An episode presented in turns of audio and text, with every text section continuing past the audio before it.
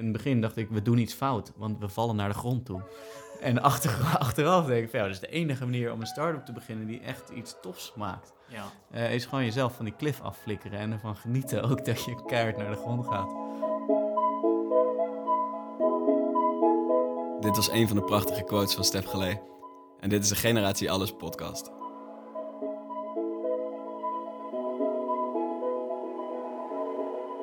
Onze tweede podcast alweer. En eh, deze keer ehm, word ik vergezeld eh, door mijn compagnon Wouter. Hi. Een voele stem, Wout. Hey, en ehm, mocht je de eerste podcast nog niet geluisterd hebben, misschien is het leuk om te weten eh, wie wij zijn. Ehm, wij zijn Generatie Alles, een jonge club met echt een passie voor video. Maar ja, we, we willen altijd onze horizon blijven verbreden. En tijdens een videoproductie ben je natuurlijk ook echt wel met audio bezig. Toen we deze podcast begonnen, toen leek het ons eh, daarom leuk om eh, video eens te pauzeren en ons enkel te focussen op, eh, op audio. Ehm, nou, dat is redelijk gelukt, hoewel we natuurlijk nog aardig wat interviews willen opnemen. Ja, het is wel leuk. We hebben een hele setup hier op kantoor. Ehm, en ja, daar kunnen we gewoon hele interessante mensen ontvangen. Daar een goed gesprek mee houden. En zo deden we vorige keer met Sjoerd Boy. Dus als je die nog niet gehoord hebt, luister hem terug, want hij is heel tof. Hele openhartige, leuke gesprekken, eh, leerzame gesprekken. En dit keer, deze week, dus eh, met Stef Galee. Ja, en, en ik- denk dat we ook de mensen willen uitnodigen die we normaal ook al wel meemaken, maar waar we gewoon ehm, ja, nog veel dingen aan willen vragen. Of, of we willen gewoon gesprekken met ze hebben waar je bijvoorbeeld in de kroeg of tijdens een, een, een, eh, een meeting gewoon niet aan toekomt. Stef, eh, eh, onze gast van vandaag, is bijvoorbeeld zo'n jongen die, ja, wij vinden hem, behalve dat hij heel likable is, vinden we hem heel inspirerend, omdat hij eh, los van zijn creativiteit ook gewoon echt een ondernemer is met gewoon jarenlange ervaring en, en zijn ehm, levenslessen eigenlijk ook altijd op een hele leuke manier eh, vertelt aan ons. Dus ja, we dachten we nodigen hem uit. Eh, we lokken hem richting kantoor eh, en, en vertellen dat we een biertje gaan drinken, maar, maar stiekem drukken we gewoon op record en, en nemen we de podcast op. Het resultaat is een heel erg beknopt en heel erg interessant verhaal van anderhalf uur. Van dingen die we eigenlijk eh, in de tien jaar dat we hem kennen sporadisch gehoord hebben, maar eigenlijk ook wel heel veel nieuwe dingen. Dus ehm, het is een heel interessant gesprek en eh, hopelijk vinden jullie dat ook. Eh, het heeft ons veel geleerd en ehm, nou ja, luister gerust verder. Ja, en, en, en wat je al zei, het is, eh, wat je al sarcastisch zei, het is inderdaad eh, beknopt of niet, omdat het anderhalf uur duurt. Eh, we, kiezen er eigenlijk bewust voor om, nou ja, in een tijd waar onze spanningsboog steeds korter lijkt te worden en we video's na 20 seconden al wegswipen omdat ze ver- ver- vervelen, ehm, ja, hebben we eigenlijk besloten om stukken content te maken die gewoon uncut zijn. En ehm, nou ja, als dat zo uitkomt, is dat, duurt dat vrij lang, maar ja we hadden eigenlijk na het gesprek ook niet echt eh, eh, de behoefte om, om er iets uit te schrappen. Gewoon omdat het een heel leuk gesprek was. Dus eh, ja, we hopen dat, dat jullie dat ook vinden. Enjoy. Enjoy. We gaan snel naar het interview toe.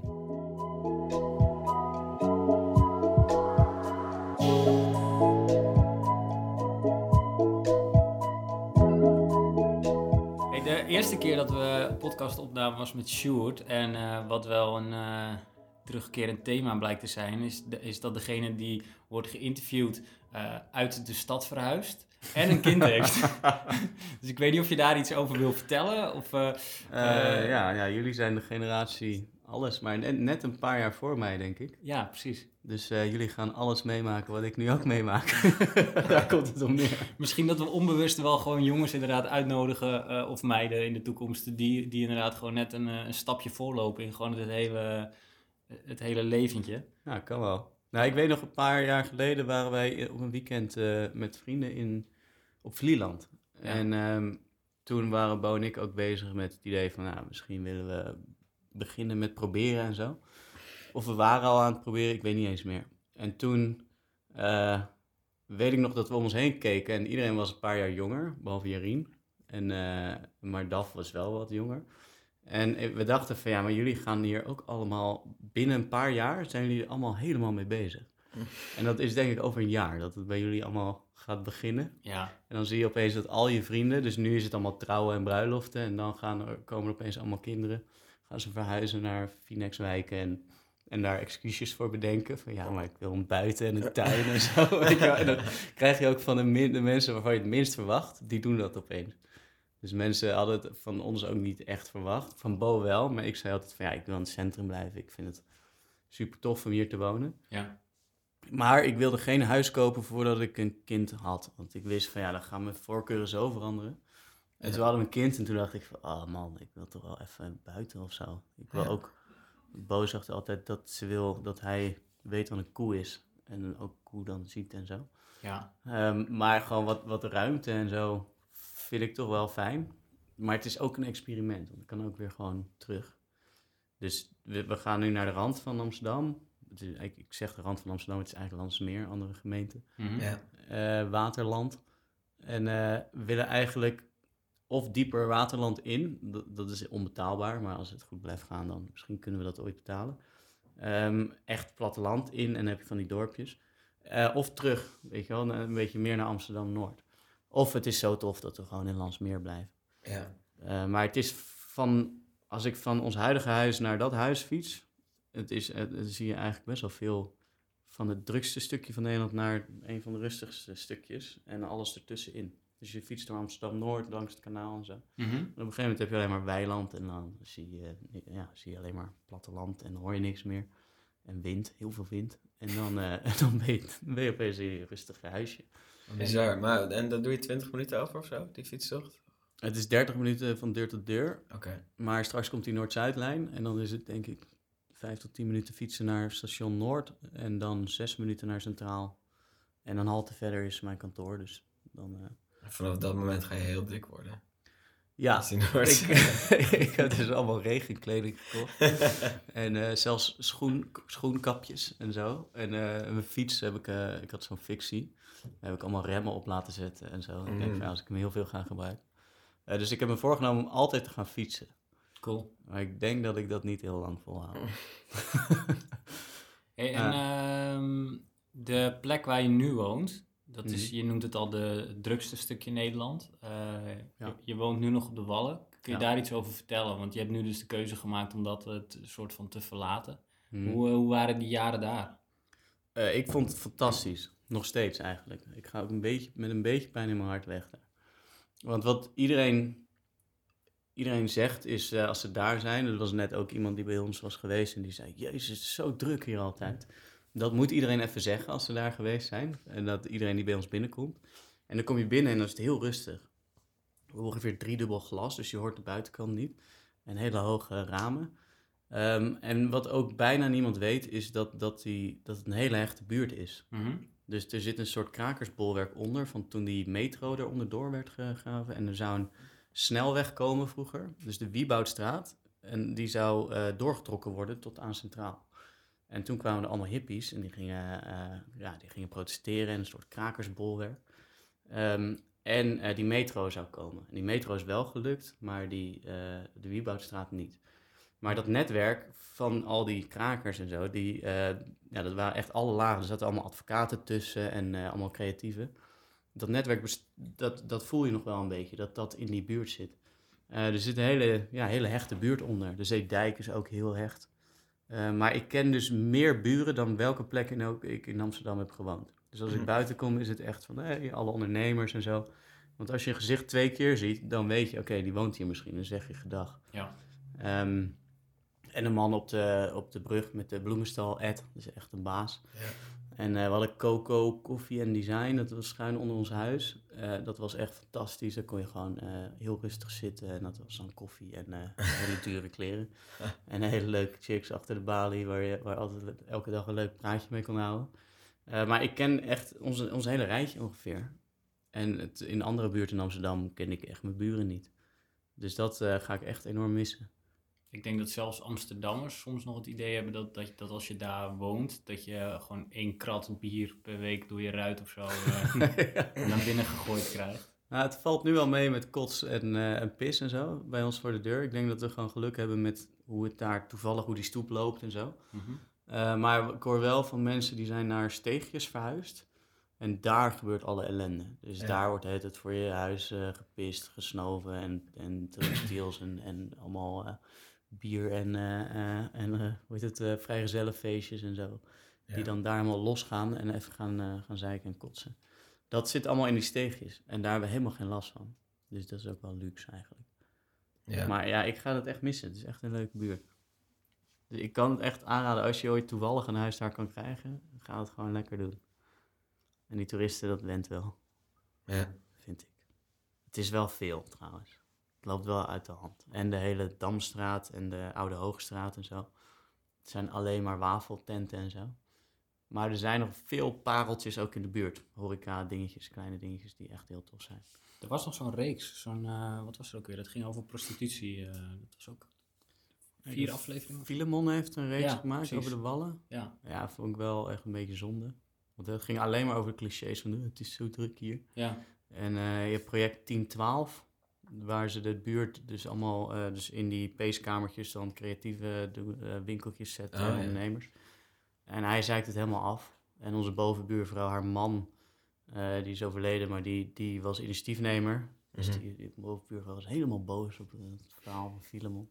Ja. Dus hij pakt al die clichés eruit. Maar ju- juist die verhalen die eronder zitten, van die, van die weet je wel, die, die hechte gemeenschap ehm, en de Zeedijk. En, volgens mij zat Hartjesdag er wel in, op de Zeedijk.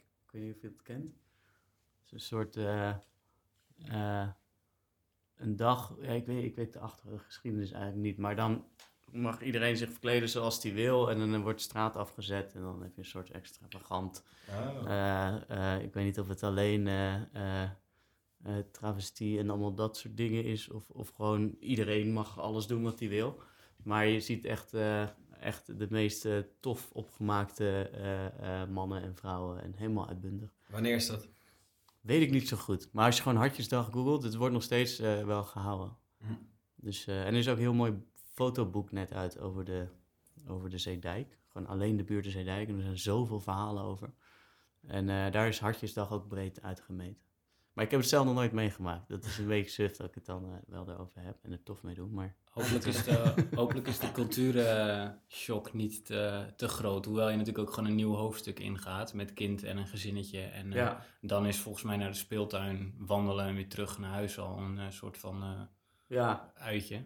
Nou, wat ik nu wel, nu die nog heel klein is, is het fijn om gewoon door de buurt. Want als ik nu de deur uitloop, dan is er altijd een koffietentje op twee stappen. Ehm, en allemaal leuke dingen in de buurt. Ehm, maar het is inderdaad wel druk. En straks is het gewoon wind. En dan, eh, dan, dan zeg je hoi tegen de buurman. En dan loop je weer door een Ja. weiland in of zo. Dus ja, ik ben wel benieuwd hoe dat, eh, hoe dat gaat zijn. Geen idee. Cool. Hey, toch, nog, toch nog heel even over dat gezin dan. Hè? Eh, want eh, wij zijn, eh, nou, ik vind filmmaker vind ik altijd een beetje een groot woord, weet je wel. Ik vind als je Lord of the Rings hebt gecreëerd, dan ben je een filmmaker. Wij maken gewoon eh, video's. En ehm, ik denk dat het bij eh, veel, eh veel videomeiden en jongens altijd wel een beetje knaagt van... ja, ik zou wel een keer echt een, even een vette docu willen maken... of ik zou wel een keer ehm, eh, weet je wel, op tv willen verschijnen en iets, iets gemaakt hebben waar mijn ouders dan trots naar kijken, weet je, die nog eh, tv Ja. kijken.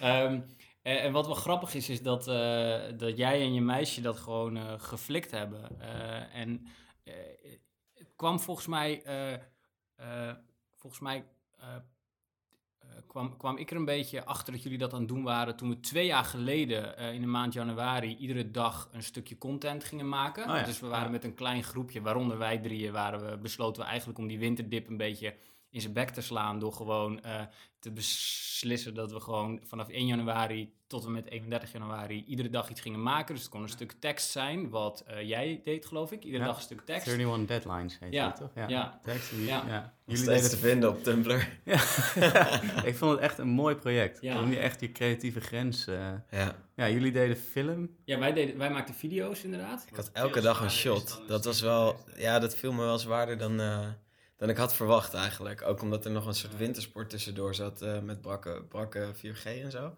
Ja. En eh, dat heeft me niet echt meegeholpen.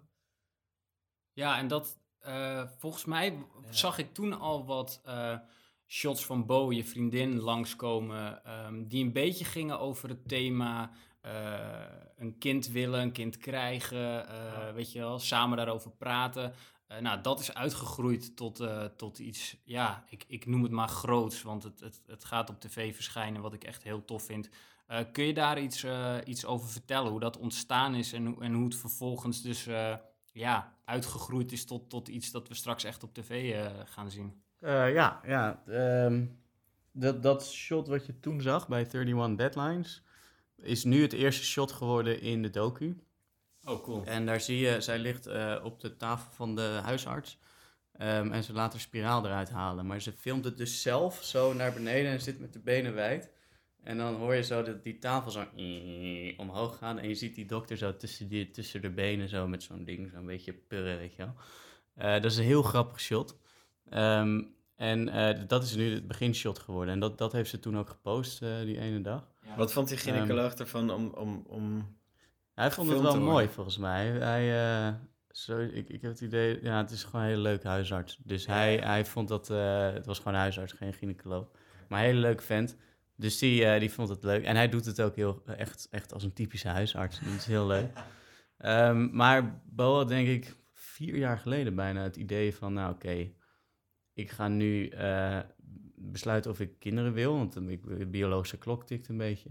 En eh, ja, dus ik moet nu een beetje gaan beslissen, wil ik dit? En eh, eh, we hadden toen al eh, twee, drie jaar iets. Ehm, en ze dacht, nou, met Stef kan het wel. Ehm, dus ja, als ik het wil, dan zou het nu kunnen. En ze, er kwamen zoveel vragen op die ze, waar ze helemaal nooit over na had gedacht. En dat vond ze heel bizar. Van, ja, waarom denk ik daar nu pas over na? Dus je twintigersjaren zijn super, het zijn heel bezorgd. Je denkt dat je het heel druk hebt, dat is ook zo. Ehm, en je bent helemaal je, identiteit aan het zoeken. Eh, maar daarna komt dus, komt dus een hoofdstuk wat heel, heel veel gekke vragen op, op, op eh, waar je helemaal nooit over nadacht. Ehm, dus toen eh, dacht ze van ja, als ik dit nou ga filmen, en toen is ze gewoon dingetjes gaan filmen. En steeds meer aan haar pitch gaan werken van ja, wat wil ik eigenlijk laten zien. Ehm, wat het nu is geworden is een tv-serie, dus ze heeft het als docu eerst gepitcht. Ehm, en ze is gewoon overal langs gegaan. Ik heb daar zoveel respect voor wat ze heeft gedaan. Gewoon alle deuren ingetrapt. Op een gegeven moment zat ze bij de VPRO. En eh, de VPRO zei, ja, dat willen we wel doen. Volgens mij was het toen een, eh, een internetdocu voor de VPRO zou het worden. En eh, bij de vierde, vijfde meeting zei ze, nou oké, we gaan gewoon tekenen. en Dit wordt gewoon top en je krijgt je budget en we gaan het filmen. En een week later was er bij de VPRO een soort ommezwaai in het beleid. Dat ze niet meer ehm, ja, ons soort mensen, hoe noem je dat? Gewoon de, de, de typische VPRO-mensen eh, in de grachtengordel wilden filmen, eh, wilden laten zien, maar de buitenwereld, dus buitenland. Dus sindsdien is, is veel meer buitenland op de VPRO gekomen. Ehm, en daar paste dit niet in. Dus toen een week later in de verkeerde meeting beland, eh, dat idee, en afgeschoten. En toen stond ze eigenlijk weer op nul. En toen heeft ze, heeft ze het eh, nog aan de Media Brothers gepitcht. Eh, van, eh, hoe heet die, Frank? een, nou, gewoon een bureautje dat tv-programma's maakt. Die jakhals, Frank, nou, ik ben zijn achternaam kwijt. Ehm, en die was ook opeens super enthousiast. En nou, toen ging het weer helemaal rollen. En de Media Brothers zei, ja, tof, gaan we het doen. Toen hebben we ook een trailer op, opgenomen of een teaser. En ehm, die was heel goed, vond ik nog steeds. Vind ik nog steeds heel goed. En daarmee gingen ook heel veel deuren open. En toen kreeg de Media Brothers het zo druk. Dus die kregen, eh, eh, hoe heet dat, Bureau Sport en eh, Bureau Marokko. en Zo, en al hun programma's gingen opeens vallen. En werden overal gekocht. Dus toen ging dat ook niet door. En toen begon ze weer op nul. En toen zei ze, geloof ik, twee jaar geleden: van ja, ik ga nog één, één keer eraan trekken. Ehm, ik ga naar de haaien. En die kenden ze, geloof ik, al via via. Eh, had ze ook ooit mee gewerkt. En toen zei ze: ja, dat. eh, het- die, de haaien zei: ja, is gewoon een top idee. Dat gaan we gewoon doen. Oh, wat cool. En de haaien heeft uiteindelijk aan de KRO verkocht. Ehm, en, eh, en toen is het eigenlijk helemaal gaan, gaan rollen. Ehm, en het, dus het is van een internetdocu een tv-serie geworden van 4 keer 40 minuten. Ehm, en uiteindelijk is de uitzending ook nog een jaar uitgesteld, wat super duur is. Dus het is echt een moeizaam proces geweest. Ja, want jullie waren net te laat klaar voor de, voor de beste programmeringstijd volgens de... Ja, na de, NPO. ja, zij zeiden je moet het in mei 2017 uitzenden, Hmm. maar ze, dat was een maand na de bevalling. Dus eh, dat was wel, eh, dat kan niet, want je hebt daarvoor allemaal promotie dat we nu aan het doen eh, zijn. Ja. Dat, dat kan niet als je net bevallen bent. Nee, ik bedoel, dan kan je nog zo snel editen, maar... Ja, en toen zeiden ze, gingen ze onderhandelen van ja, nee, dan, eh, dan wordt het een jaar later. Dus je moet het echt nu doen. En Bo heeft gewoon gezegd, nee, ga ik gewoon niet doen. Vind ik zonde van al het werk wat ik heb gedaan. En eh, toen werd het dus uiteindelijk echt een jaar later. Hadden we niet verwacht.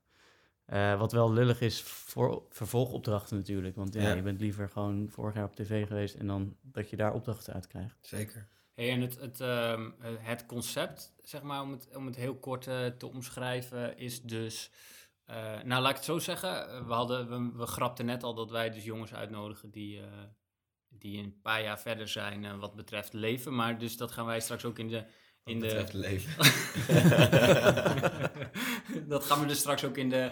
In de eh, hoe noem je het? De serie? Noem je het een serie? Het is een docu-serie, Oh ja, precies. denk ik. Ja, Een tv-serie, Dus al- ja. De vragen die ik en mijn vriendin over een paar jaar gaan hebben, die, die worden daar eigenlijk allemaal schaamteloos eh, soort van ontdekt door jou en Ja. Bo.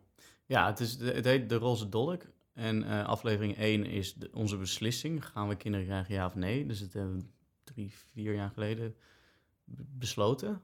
Ehm, en elke aflevering gaat Bo ook op pad. En soms ga ik mee en ga mensen interviewen. Dus blij kindervrije stel. of, wat zit in de eerste aflevering?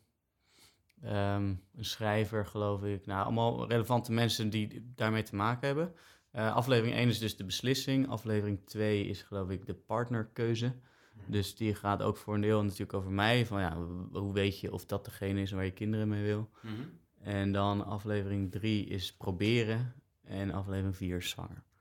Dus dat, dat zijn de vier hoofdstukken. Ehm, en het, de pitch is, de- tenminste het idee is nu eh, uiteindelijk geworden gewoon normale mensen. Wij zijn helemaal geen speciale mensen, we zijn geen BN'ers of zo. Ehm, wat voor een bizarre vraag je eigenlijk krijgt. En, ehm, en daar ben ik nog steeds heel verbaasd over. Hoe heftig het is en hoe weinig je ervan weet. Dus je wordt door niemand voorbereid wat, als je kinderen krijgt wat er, wat er allemaal gebeurt. En bijvoorbeeld als je tijdens eh, je zwangerschap een testje gaat missen of zo. Als in, eh, je moet dan allemaal eh, eh, naar, naar de huisarts of naar de, hoe noem je dat, Eh, het ziekenhuis. En, ja, je moet gewoon de hele tijd naar, de, naar allemaal checkpoints moet je lopen. Dus op 20 weken heb je een echo en op Ja. 12 weken 20 weken. En als daar dus iets gezien wordt wat niet goed is, dan kom je in een soort zijspoor waar, waar je hele enge vragen krijgt. En echt, echt bizarre keuzes moet maken.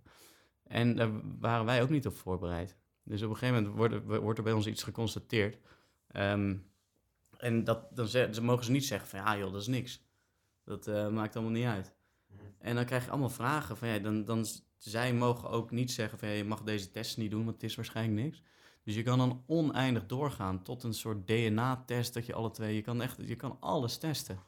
En die vraag van ja, met de maakbaarheid van nu, eh, wij denken dat alles maakbaar is, dus we willen ook controle erover. Maar kinderen krijgen dus gewoon brute biologie. En dan kunnen echt gewoon dingen gewoon heel lomp misgaan. En eh, ja, de lijn tussen dood en leven is, bij, een, bij, een, bij een, het ontstaan van een mens is best wel dun. En eh, er kunnen gewoon echt lompe dingen misgaan. En dan moet je allemaal, heeft de me- medische wereld heeft er allemaal antwoorden op. Eh, maar dat zijn eigenlijk geen antwoorden. Het zijn gewoon dingen die nog meer vragen op, oproepen. Ehm, dus dat, dat, eh, ja, dat is eigenlijk waar die serie over gaat. Dus een deel is de maakbaarheid die wij denken dat we hebben, totdat we gaan kinderen krijgen. Eh, of als het niet lukt ook. Waar ik heel bang voor was, dus alles werd gefilmd. En eh Bo vroeg, mag ik alles uitzenden? En mag ik ook een vruchtbaarheidstest bij jou doen?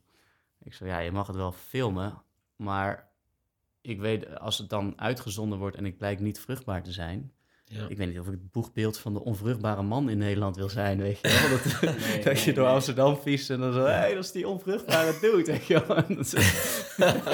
Ik, ik, ik ben een soort figurant in haar documentaire en dan ben ik straks opeens het boegbeeld van, daar heb ik helemaal niet om gevraagd. Nee, Ja. dus Dus kleine soort- spoiler, het is gelukt. Maar zou de docu ook niet, eh, eh, als jij onvruchtbaar zou zijn, dan zou dat natuurlijk ja, sowieso een hele andere wending hebben. Maar dan zou Ja. het natuurlijk, ja, dan, dan zou het ook een beetje doodlopen, zeg maar. Of- Nee, ik denk het niet juist. Ik denk dat het super interessant zou zijn. Als ik niet vruchtbaar blijk, Dat was echt top geweest. Ja, ik denk ook dat het voor haar wel goed was geweest. Nou, absoluut. Ja. Dat is echt, ja, want dan, dan eh, Ja, dan ga Ja. je inderdaad terug naar aflevering 2. En Ja.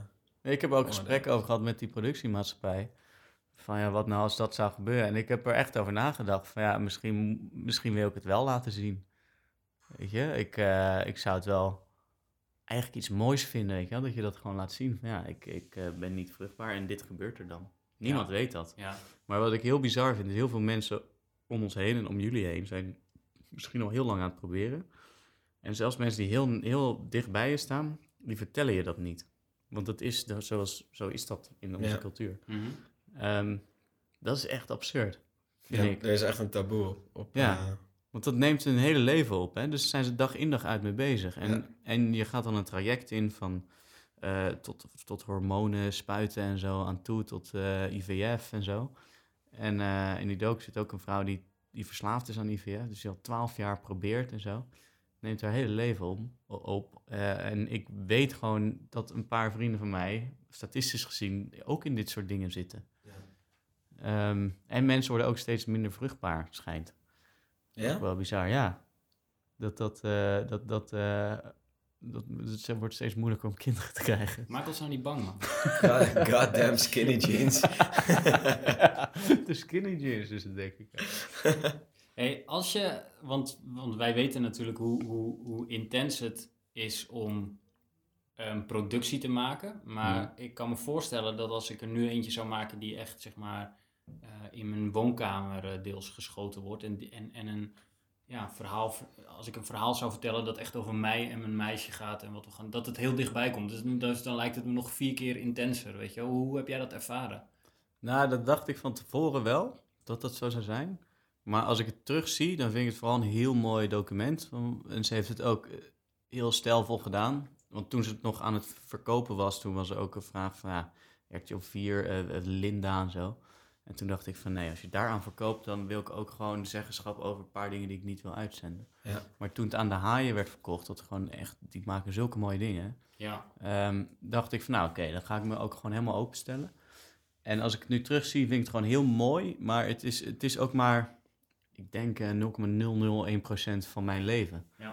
Dus het is eigenlijk, eigenlijk vind ik het helemaal niet zo eh, intens. Behal, alleen ik weet helemaal niet hoe het is hè, om op tv te zijn. Ik ben nooit op tv geweest. Dus dan, het kan zijn dat, dat stel het wordt heel goed bekeken, dat allemaal mensen een mening over mij krijgen straks.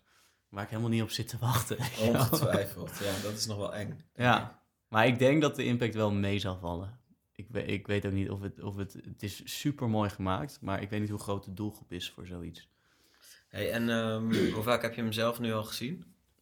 Eh, de definitieve versie denk ik eh één keer, of sommige afleveringen twee keer. Maar ik Ja. heb ook allemaal tussenversies gezien Ja, of natuurlijk. course. Ehm, maar het is, eh, ze, ze heeft aan het einde, aflevering 4, het einde, heeft ze een soort sequence, echt een soort, soort climax zitten. En daar zie je ons hele leven gewoon van de afgelopen jaren. En dat had ze niet verteld. Dus dat had ze gewoon, gewoon laten zien aan haar moeder en mij toen. Eh, dat is zo mooi, jongen. Dat, toen toen eh, heb ik echt zitten janken. Echt mooi.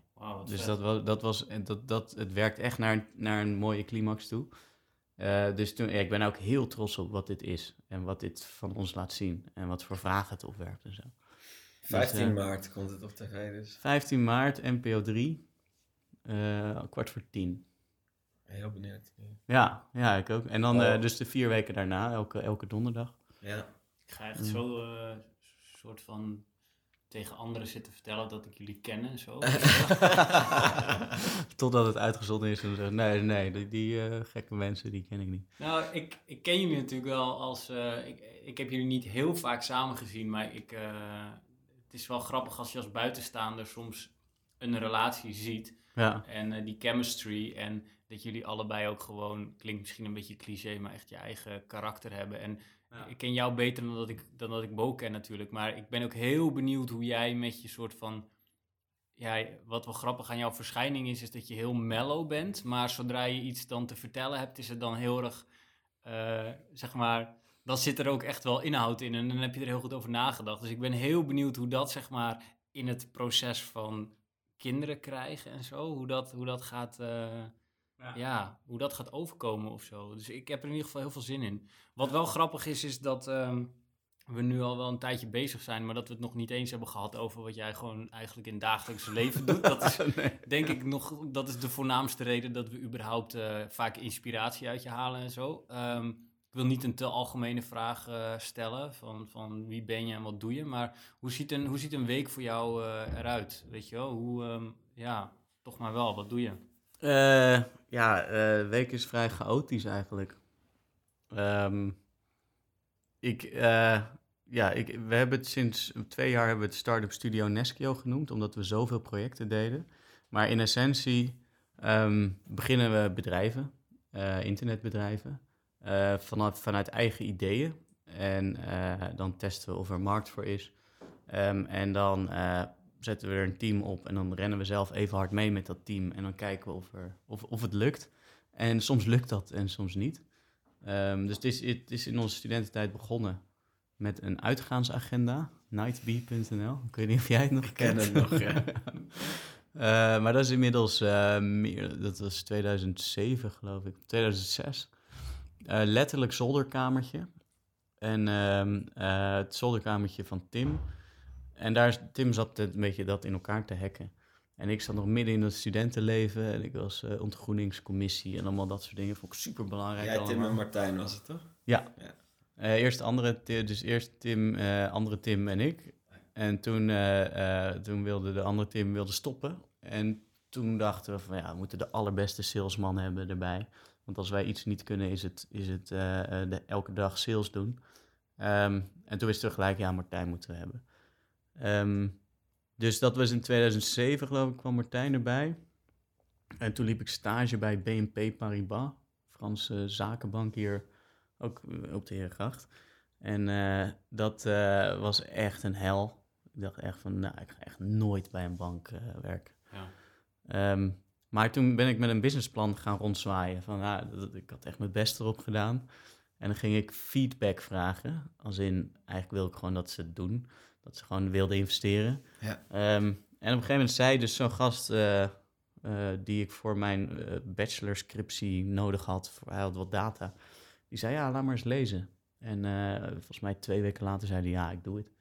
Of, hij wilde eerst mijn compagnons ontmoeten, dus Martijn en Tim. En hij zei ja, jullie zijn zo'n goed team. Dat gaat wel lukken. En, en dus hadden we een ton opgehaald voor een idee, wat een website die niet live was. 25% van de aandelen. Um, en uh, ja, toen konden we dus uh, gaan beginnen. En vanaf dat moment ging eigenlijk alles fout wat je fout kunt doen. Uh, dat was echt, echt fantastisch. zo echt een fantastische rollercoaster um, die, die we dat jaar hebben meegemaakt. echt een soort soapserie was het. Wat ging er vooral fout dan? Um, nou, ten eerste, wij, wij hadden een businessplan, maar in de praktijk wisten we echt niet hoe je een bedrijf opzetten. Um, dus het eerste wat we deden was een kantoortje huren. Dat was een hele goede zet. Um, en uh, het tweede was, uh, we gingen die website maken. Maar we dachten van ja, maar we hebben zoveel geld opgehaald. We vonden het echt mega veel geld natuurlijk. En toen dachten we van ja, die website moet super goed zijn. Dus daar gingen we heel lang op door. En voordat het live was, duurde echt veel te lang.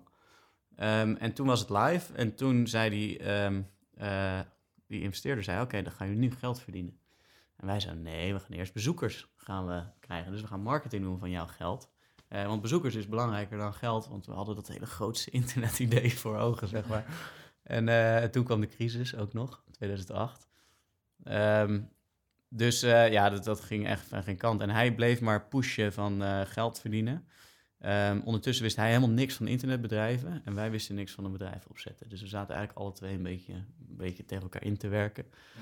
Uh, dus we kregen ook best wel veel ruzie met hem. En hij, vond het, hij zat in een soort midlife crisis, denk ik. Of zo. Hij vond het gewoon leuk om met wat jonge gasten in de uitgaansscene uh, uh, ja, een, een internetbedrijfje te beginnen. Maar we gingen vooral heel veel uit eten met hem en gewoon heel veel drinken en zo. en, Sushi. Uh, maar die site was wel live. En hij zei van ja, je moet nu echt geld gaan verdienen. En wij zeiden ja, oké. Okay. En toen hadden we een dienst bedacht. Dus wij als uitgaansagenda um, zetten alle feestjes in Amsterdam en omstreken zetten we op onze site. En we hadden wel wat bezoekers. Um, maar al die, die uh, clubs, toen waren clubs nog uh, tof, want er waren ja. nog niet zoveel festivals. Dus clubs als uh, de, de Hotel Arena, Odeon en Jimmy Woo en zo, die, stonden, die, die gaven ons allemaal persberichten ook. En allemaal eh, events en zo en agenda's. Van ja, dat, dat, dat moeten jullie op een site zetten. Maar kan dat ook op al die andere party sites? Dus toen hebben we, hebben we gezegd van nou, we- wij willen dat wel op al die 30 andere sites ook zetten. En daar kregen we wat geld voor. Ehm, dus we- toen gingen we wat omzet draaien. En toen dachten we van ja, maar dan willen we eigenlijk ook van die investeerder af. Want eh, die gast, het is echt... Ik was alleen maar, de helft van de week was ik aan hem aan het uitleggen waarom we deden wat we deden. En hij was het er eigenlijk nooit mee eens. Dus we dachten van ja, fuck man, dat, daar willen we echt helemaal, eh, zijn we echt helemaal klaar mee. Ehm, en toen, eh, midden in dat we echt ruzie met hem kregen, toen ging Tim met zijn dochter eh, daten. Dus dat was zo onhandig. En, en in his defense, het was een heel leuk meisje. Het was gewoon, eh, ja, ik snap het wel. Maar ook, ja, het was wel onhandig. Dus ja, aan de ene kant hadden we echt slaande ruzie met hem. En aan de andere kant moesten we dus ook via zijn dochter, konden we allemaal informatie inwinnen. En ehm, op een gegeven moment we gewoon stoppen ermee, weet je wel. Dus dachten we, ja, moeten we dan dat geld teruggeven? Hij had 15.000 euro aanbetaald. Ehm, en ehm, daarvan hadden we het kantoortje gehuurd. We hadden denk ik de helft opgemaakt al aan marketing en eh, dingen. En eh, we wilden eigenlijk van hem af. En toen hebben we... eh, we wilden ook wel het geld teruggeven. We hadden het alleen niet meer. Dus we wilden ook wel de rest van het geld teruggeven. Ja. En toen hebben we een advocaat ingeschakeld, gewoon uit de vriendenkring. En die zei van ja, ik, ik wil je heel graag helpen. En dit en dit moet je doen. En hij kan het gewoon aftrekken als, eh, eh, als risico-investering en zijn verlies eh, nemen. Ehm, maar dan moet hij het vertrouwen opzeggen en jullie ook. En als jullie daarover eens zijn, dan kan je gewoon goed uit elkaar.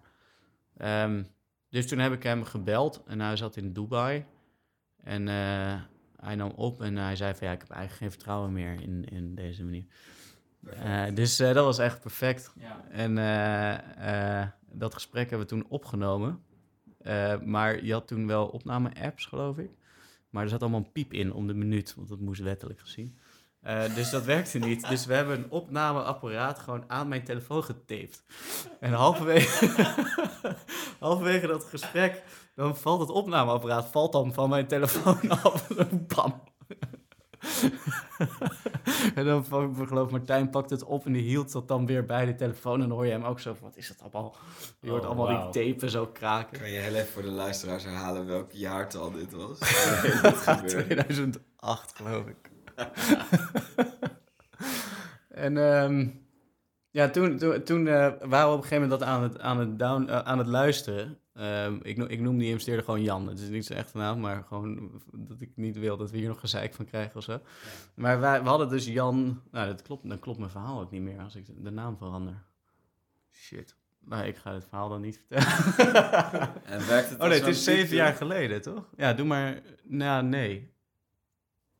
Nee. Nou, het idee is, het idee is wij waren dat aan het luisteren. Zeg Jan, Jan.mp3, want het was een mp3'tje. Ja. En Tim had zijn MSN Messenger, had hij een dingetje geïnstalleerd... en dan zag je op Winamp wat je aan het luisteren was achter je username. En hij was, zijn dochter stond dus in die chat. En die was dus aan het... En we mochten het helemaal niet opnemen, want dat is helemaal niet handig. Eh, want we hadden geen toestemming gevraagd. En eh, eh, zijn dochter zat in die chat en die vroeg... Hey Tim, wat is Jan.mp3? En toen waren we helemaal in paniek van... Oh, fuck, fuck, fuck. En toen heb ik dus een naam van een artiest genoemd. eh, met Jan, een Amerikaanse artiest. En eh, die... eh, en Tim gelijk dat intypen. En toen was zij gelijk van, oké, ja, oké, dat, is, dat is goed. Het is oké. En wij waren echt super opgelucht. Maar ik ben, denk ik, de drie maanden daarna ben ik nog, ben, heb ik wakker gelegen. Van, ik dacht echt, die man heeft zoveel geld. Hij kan gewoon voor de gein een goede advocaat opzetten en mij het leven compleet zuur maken. Gewoon mij zo hard in de schulden douwen, Ja. dat ik, eh, dat ik gewoon ergens nergens meer aan de, aan de bak kom. Niet eens meer. Het klinkt wel een beetje als die, eh, die inbrekers bij Home Alone, hoe jullie te werk. Ja, maar achteraf No is, het, is, het, is het wel eh, eh, een beetje een klassiek start-up verhaal. Van je, je moet het gewoon doen met eh, gewoon roeien met de riemen die je hebt. Dus we hadden die investeerder, maar we wisten ja, het matcht niet. Ehm, dus uiteindelijk hebben we van zijn geld wel een kantoortje gehuurd. En ehm, ik denk daarna zijn we nog drie keer bijna failliet geweest. Maar dit, deze, dit was de grootste horde. Ehm, want daarna hadden we dus ja, we hadden denk ik 7.500 euro of zo over. Eh, we hadden een kantoortje. En eh, we studeerden nog, dus we hadden onze studie ge gemaxt. Eh, volgens mij hebben we ons ook nog ingeschreven voor allemaal vakken, zodat onze studiefinanciering langer doorliep. Eh, zodat we meer konden lenen. En, en toen wisten we van ja, als we willen ondernemen en niet bij een corporate of een bank aan de slag willen, dan moeten we nu gewoon zorgen dat we omzet draaien. Eh, maar in de uitgaansscene gaat dat niet lukken. Dus in die Jimmy Woo en de, die betaalden geloof ik nog wel, maar altijd drie maanden te laat. En dan had je Hotel Arena en dan had je allemaal clubs, One Four of zo in Den Haag. En die stond dan opeens niet meer. Ehm, Dus toen dachten we van ja, als we nou dit spelletje gaan doen. Dus eh, we, we kregen ook veel persberichten van feestjes. En we wisten helemaal niet wat een persbericht was. Ehm, en eh, die, die feestorganisatoren vroegen van ja, kan je dit persbericht ook versturen naar wat media of zo? En toen zijn we gaan kijken van ja, hoe doen goede PR-mensen dat? Ehm, en via Martijn, die elke deur open krijgt die, eh, die je aanwijst, dat, is, dat is echt zijn talent. eh, kwamen we bij Heineken over de vloer, Vodafone, Erasmus Universiteit, alle PR-afdelingen. En dan vroegen we van ja, hoe doe je PR? En wat is dat? En toen kwamen we erachter dat zij met Excel werkte en Outlook en het liep altijd vast. dus zij, zij hielden alle journalisten bij in een Excel-file met allemaal tabs. En die stond dan op 14 computers van die PR-afdeling. En dat, dat liep allemaal asynchroon, dus alles was een beetje outdated. En toen dachten we van ja, eigenlijk als we die Nightlife Guide een beetje omvormen tot adresboek. eh, dus het eerste design wat je ziet van Smart PR is ook een soort Nightbee, maar dan in adresboekvorm. Precies hetzelfde design. Ehm, dan is dat heel handig voor een online adresboek. En een soort eh massamailing tool, à la Mailchimp daaraan. Maar niet te massamailing. Dat je nog wel kan zeggen persoonlijk van, ehm, aan een journalist van... hey, hoe is het met je kinderen? Of als, je die journalist kent. Ehm, of eh, hey, ik zie dat je daar en daarvoor schrijft. Dat die journalist heeft, het gevoel heeft van... ja, ik krijg wel een persbericht, maar het is wel persoonlijk... in plaats van een massamailing. Ehm, dus we hebben een soort Mailchimp aan, aan een adresboek gehangen. En Tim ging gewoon nachten doorprogrammeren. En eh, eh, Martijn en ik gingen het verkopen. En ik, we gingen er een business van proberen te maken. En dat werd dus smart PR. Dat werd smart PR, ja. Nou, eerst hebben we een onderzoek gedaan onder PR-mensen. En dat onderzoek was eigenlijk een soort manier om het te verkopen. Ehm, dus Martijn heeft aan 20 bedrijven eh, zo'n onderzoek gedaan van welke tools gebruik je om je persberichten te versturen en je adressen bij te houden. En er deden 20 bedrijven aan mee. En daar hebben we aan feedback gevraagd op, op onze ideeën. Dat waren gewoon sketches in Photoshop gemaakt nog. Ehm, en die had ik dan gemaakt en dan gingen we langs en dan zeiden we van nou, dit en dit willen we maken. Willen jullie meedoen aan de pilot? Moet je wel vooraf betalen. En van dat geld eh, ja, leefden we eigenlijk. Eh, maar we hadden geen product nog. Dus Tim was nachten door aan het halen ehm, om het product te bouwen. Ehm, maar we hadden eigenlijk al 20 abonnementen verkocht, of, of 30 of zo zelfs, voordat het live was. Dit was allemaal in 2010 of zo, toch? Ongeveer. Ja, 2009, 2010 denk ik. Ja. Ja.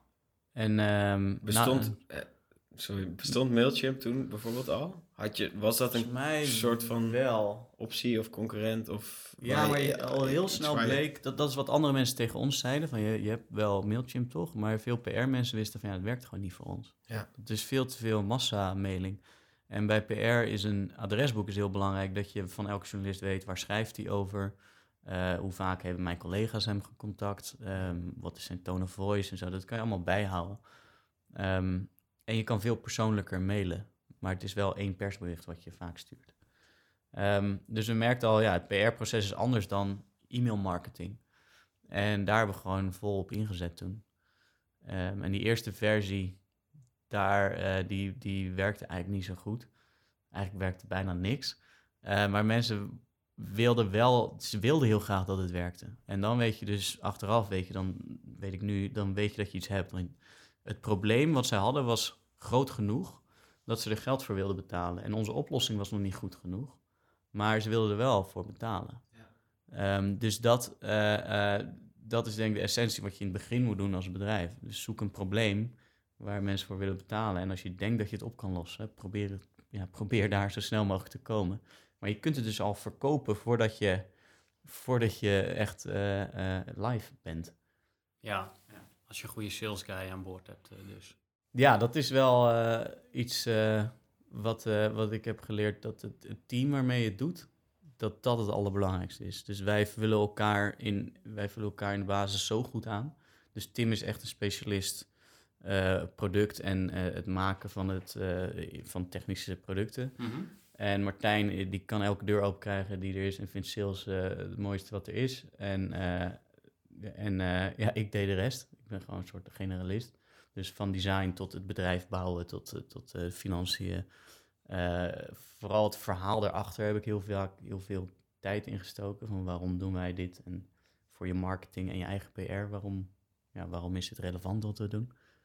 Um, dus ja, het team is denk ik het, het belangrijkste. Wat, uh, wat en, en hoe belangrijk was het dan dat je vanaf het begin, uh, je noemde net verschillende Nederlandse bedrijven, hoe belangrijk was het dat je daar, uh, want, want weet je wel, je zegt, je zegt wel inderdaad dat, dat je collega, weet je, iedere deur die je aanwijst kan, kan, kan, kan intrappen, zeg maar. Weet je, ja. je, je kunt overal binnenkomen en zo. Hoe belangrijk was het dat jullie gewoon likable guys zijn die gewoon hard hun best doen. En, en weet je, zocht, zochten jullie ook echt vanaf het begin al echt zo'n persoonlijke klik met je klant of potentiële klant? Of viel dat wel mee? Um, nou, we kwamen, dus, we kwamen er wel snel achter dat je daar een eindje mee kan komen. Maar als het probleem niet groot genoeg is wat ze hebben, dat je dan, en jij hebt niet, niet echt het idee, of zij hebben niet het idee dat jij de oplossing hebt, dan gaan deuren vrij snel weer dicht.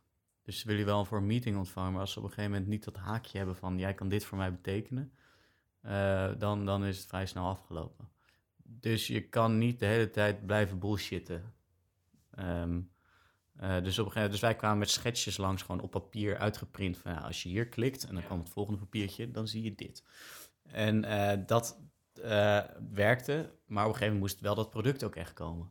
En dat hebben we wel kunnen rekken. Van ja, wacht nog even een maandje en dan is het er echt. Uh, maar um, je kan het niet allemaal bullshitten. En het niet puur op relatie doen omdat ze je aardige jongens vinden of zo.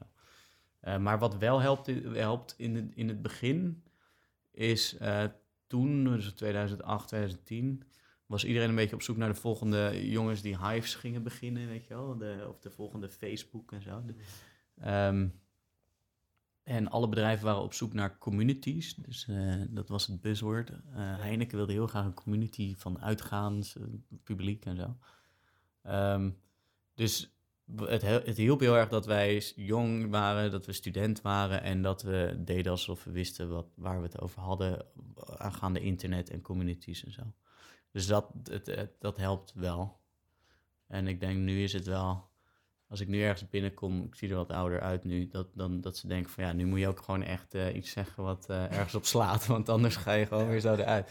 En als student dan, dan kan je best wel ver komen gewoon door gewoon een beetje, ja, omdat je student bent, weet je Misschien ben je de volgende Mark Zuckerberg, dus. Wat, wat ik een beetje hoor in, uh, in jullie verhaal, um, is dat jullie heel erg constant um, in de gaten hielden waar de maatschappij op dit moment aan toe was. En, en, en de markt, uh, ja, naar de vraag, uh, dat je dat heel goed doorhad. En uh, dat je ook um, inspeelde op, op, op trends, et cetera. Maar ik vraag me heel erg af, is dat iets wat je je nu realiseert? En um, dat dat een beetje automatisch ging? Of had je dat toen heel erg door dat je daar actief mee bezig was? Zoals bijvoorbeeld dat communities een buzzword was. Had je dat ja. toen door? Ging je daar expres op in? Of? Nee, nee, eigenlijk hebben we altijd een beetje hetzelfde ingestaan. Dus we, ons, ons beginpunt is, wij weten helemaal niks. Um, we, zijn, we hebben ook eigenlijk geen PR-achtergrond of zo, geen communicatieachtergrond, allemaal niet.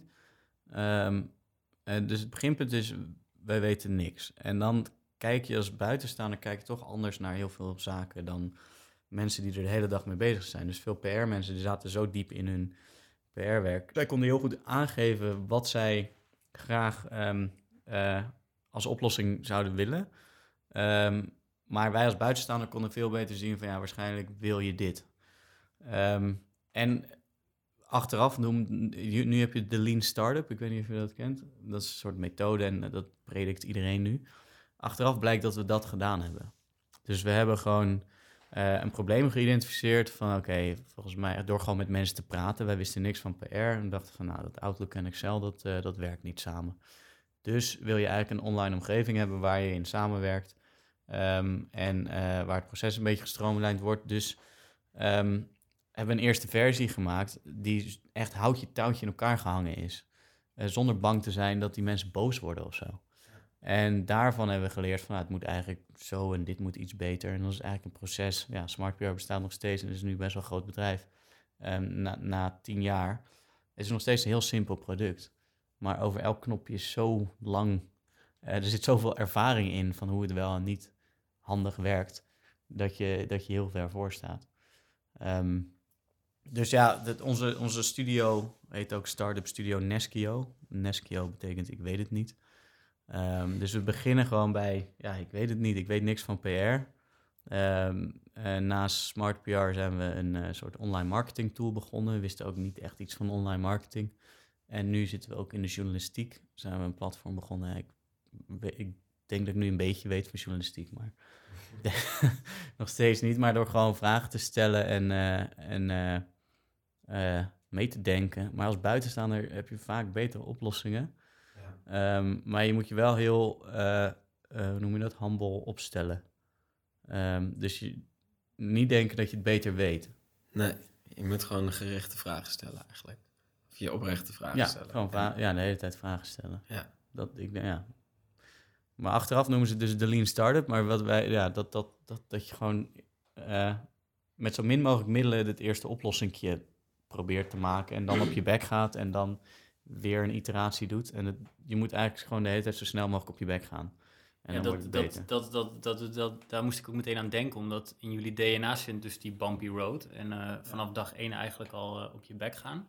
Want wat je vaak ook bij eh, ook mensen die voor zichzelf, niet dat bij ons alles nu soepel gaat. We hebben nu pas een jaar een bedrijf, dus weet je wel, waar hebben we het over? Maar ehm, de- wat ik wel merk in ons DNA is dat we heel optimistisch zijn. En dat dat heel erg helpt in ehm, Ja. een bedrijf hebben. Want Ja. als het dan niet goed gaat, of het contact, of, of whatever, weet je wel, dan heb je altijd wel iets in je, in je zegt van dat het erger kan. Of hoe blij we zijn met hoe het nu gaat. Of weet je, we zijn best wel oplossingsgericht. En dat is wel tof om bij jullie te horen dat vanaf het begin dat het al fout ging. Ja. Waardoor het alleen nog maar beter kon gaan vanaf dat moment. Ja. Ehm, is het dus, want, want onder, onder Neskio hangen dus diverse bedrijven, kan ik het zo Ja. zien. Ja. En mijn, bij, iedere, bij ieder nieuw initiatief hou je er, nou jij als generalist, hou je er eigenlijk ook al rekening mee dat het een bumpy road gaat worden? Of, eh, of Eh, ja, absoluut.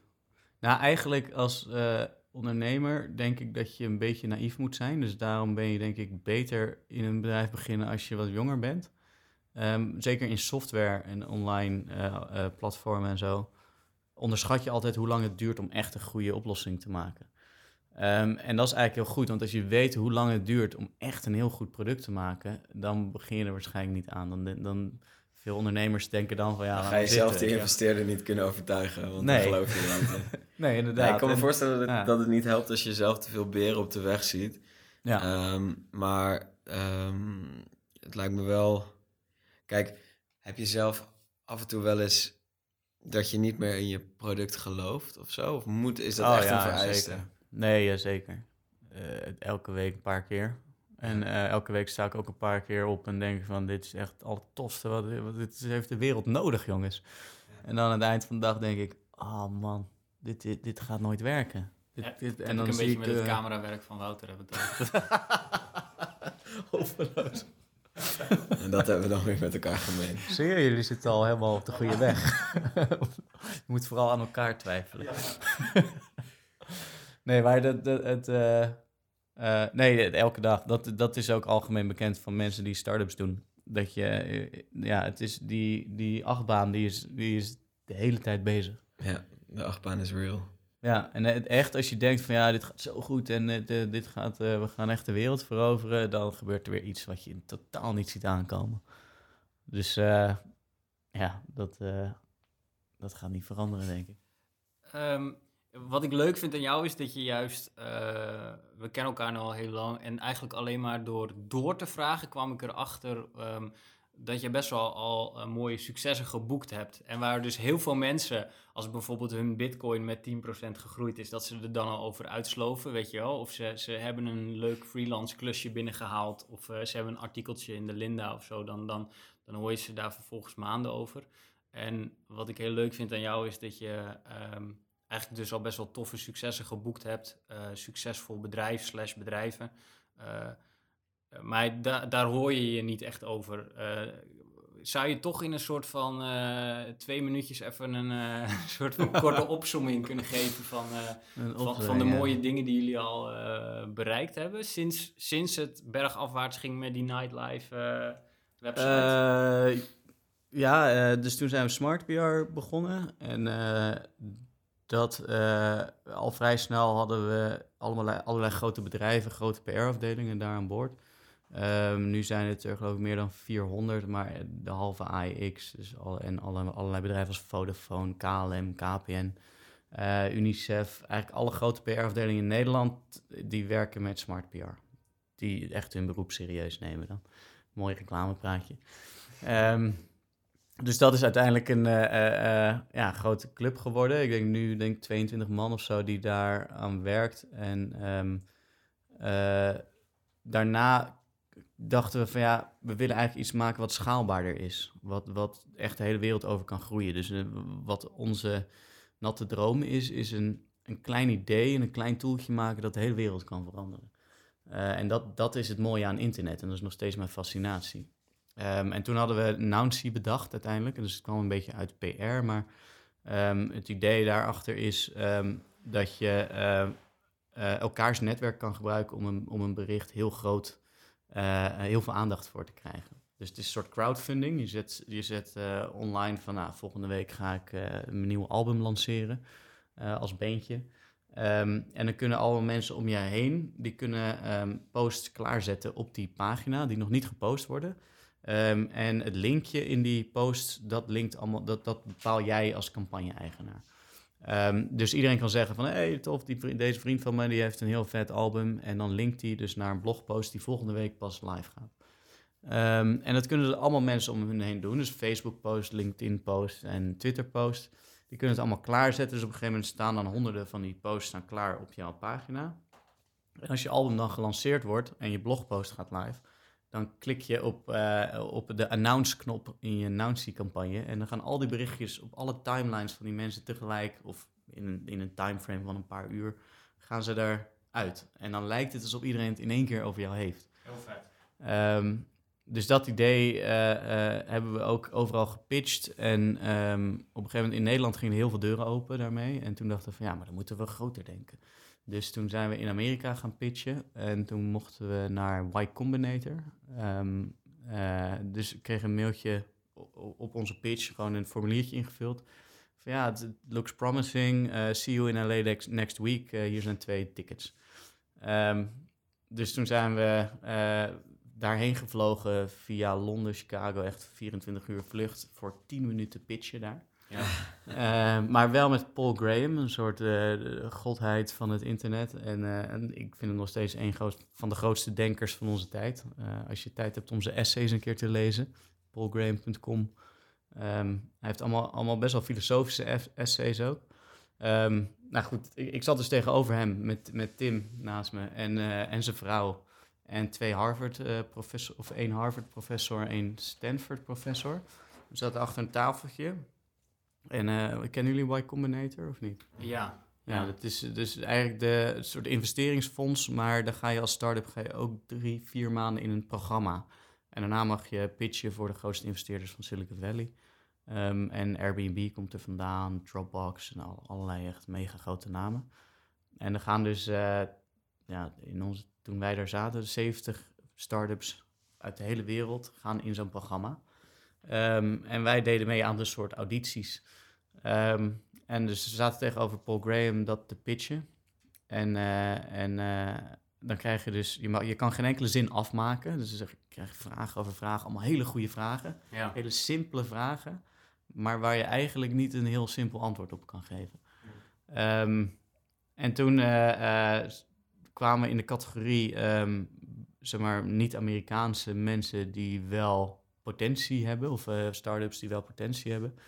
Ehm, en Ame- niet-Amerikaanse start-ups hebben een slechte track record in dat programma, omdat je, programma, je hebt problemen met immigratie als je een gezin hebt. Ja, en dus die presteren gewoon slechter. Dus toen moesten een extra ronde doen. Eh, met nog allemaal echt hele toffe internetmensen. Dus Gary Tan en Sam Altman, de, nu de huidige directeur van Y Combinator. Ehm, en daarna, dus nog een keer 10 minuten. En daarna zaten we in Silicon Valley aan zo'n bar gewoon eh, bier te tanken. Want dan word je of gebeld eh, door Paul Graham zelf. En dan krijg je een deal van eh, dit is de deal. Je krijgt zoveel voor zoveel procent en je moet morgen naar Silicon Valley verhuizen. Of je krijgt een e-mailtje van Paul Graham van ja, je bent het niet geworden. Dus wij zaten aan de bar daar Oh, ja, ja, ja. bier te drinken en de hele tijd mijn telefoon te refreshen. En eh, eh, ja, toen we echt best wel dronken waren, toen kwam dat e-mailtje van ja, jullie zijn niet geworden. Oh, ja, ja, ja. Dus we wa- we waren echt zo close. Het was echt, echt heel close. En ehm, nou, toen zijn we teruggegaan naar Nederland. Met wie was je toen? Met Eh, Martijn? met Tim. Tim. Ja. een zure terugvlucht? Zo, ja. Ja, ik heb mezelf zo kut gevoeld. Ook omdat, je, omdat we er zo dichtbij waren. We hadden echt het gevoel van, ja, we hebben echt... Die, is- vooral die eerste pitch met Paul Graham hadden we ze gewoon. We dachten echt van, ja, we hebben jullie. Jullie snappen dit. En jullie zien ook dat we mooie producten kunnen maken. En eh, ja, dat vond ik echt zuur. Was dat tevens het engste moment, die pitch? Ja, doodeng. Ja, ik denk dat ik... Ik had heel vaak gepitcht en ik vond mezelf ook best wel goed in pitchen. Maar daar was ik zenuwachtig, jongen. Oh, man. Snap ik. Dan zit je ook daarvoor met eh, eh, allemaal mensen en dan wordt heel erg aangemoedigd dat je ook met elkaar praat en informatie uitwisselt. Je hebt ook coaches rondlopen die al bij Y Combinator een start-up hebben gedaan. En die cv's van die mensen, jongen. Dus de ene, dus alle Amerikanen sowieso Stanford of Harvard, allemaal. En al die Chinezen en, en eh, Zuid-Amerikanen en eh, Europeanen hadden zulke bizarre cv's. En dan zaten Tim en ik daar ons een beetje klein te voelen. Wel. Maar goed, we hadden wel smart PR al en dat liep toen al goed. Ehm, dus toen dachten we van ja, we maken wel kans. En waren zo dichtbij. Eh, maar ze hebben wel de beste feedback ge- gegeven die wij, die wij kregen. Die we toen hebben gekregen. Ehm, eh, veel beter dan al die Nederlandse investeerders ons gaven. En toen hebben we ook een beetje het roer omgegooid tot het concept wat ik net eh, vertelde. Wat was de feedback dan? Ehm goeie vraag. Ik weet, ik weet het eigenlijk niet meer, maar het waren drie zinnetjes. Ehm, het ene was, je hebt te weinig bewijs, dus we weten dat jullie een heel mooi product kunnen maken. Maar je hebt simpelweg te weinig bewijs en je zit in een markt, online marketing, waar er voor jou duizenden anderen zijn eh, met meer bewijs dat, dat er potentie in jullie product zit. Eh, dus ga terug en ga, eh, kom over een half jaar weer terug. En ja, kom met betere cijfers eigenlijk. Ehm, en het was eigenlijk drie weken voordat we echt live gingen. Dus dat, dat was ook wel zo. Ja, ja, ja. Ehm, maar daarna hebben we het eigenlijk niet meer geprobeerd, wat eigenlijk wel zonde is. Ehm, en dat product is eigenlijk nooit echt super groot geworden, behalve dat het wordt wel over de hele wereld gebruikt. Eh, door dus eh, goede doelen, bands uit, uit LA, platenlabels, Ehm, echt van alles. Ja, Eh, want maar- het bestaat nog steeds, hè? ja, het bestaat nog steeds. Ja. Je kan het nog steeds gebruiken via Het is eigenlijk een beetje het, het hacken van de algoritmes van Van sociale Facebook. media. Ja, eigenlijk een beetje wel. Ja, en Twitter ook en, en, en LinkedIn. Ehm, het is nog steeds een super nuttig product. Nouncy. Nouncy.com. Eh, van announce, maar dan met een Y, Nouncy. Ehm, en, eh, maar op een gegeven moment merk je ook, van, ja, dan heb je zo lang aan een idee getrokken, dan is het gewoon een beetje op. Ehm, en we merkten ook dat we, dus toen we Nouncy gingen doen, toen hebben we een nieuwe directeur in ons ondernemer, onder, ondernemersteam gezocht. En die eh, eh, is directeur van eh, Smart PR geworden. Ehm, want ik ging Nouncy doen, samen met Tim voornamelijk. Ehm, maar we voelen ons één team van de ondernemers. Ehm, en eh, toen merkten we wel van ja, we worden echt twee bedrijven nu. En online marketing was toch niet echt onze grote liefde of zo. Dus dat product dat hebben we door laten gaan. En dat draait dus nog steeds, dat groeit vanzelf. Er komen elke dag nog nieuwe bedrijven bij. En we zoeken eigenlijk nog een beetje een team die daar, een jong team die er nog een keer een goede draai aan wil geven. Want er zit gewoon heel veel in. En er zijn al zoveel milestones bereikt daar. Ehm, dus daar kunnen we nog heel veel mee doen. Maar we wilden eigenlijk iets doen wat, wat ook weer een beetje smart PR versterkt of in het verlengde ligt. Dat we ons toch weer meer eh een bedrijf voelen. Ehm, en toen zijn, hebben we Journa bedacht. En Journa is... eh, De luisteraar een, denkt, oh my god, komt er nog een. ja. Op een Eh. goede manier, hè, bedoel ik. Ja, Journa is een platform voor journalisten, want ja, we wisten niks van journalistiek, dus toen zijn we daarin eh, gegaan. Dat is nu twee jaar zijn we dat aan het doen.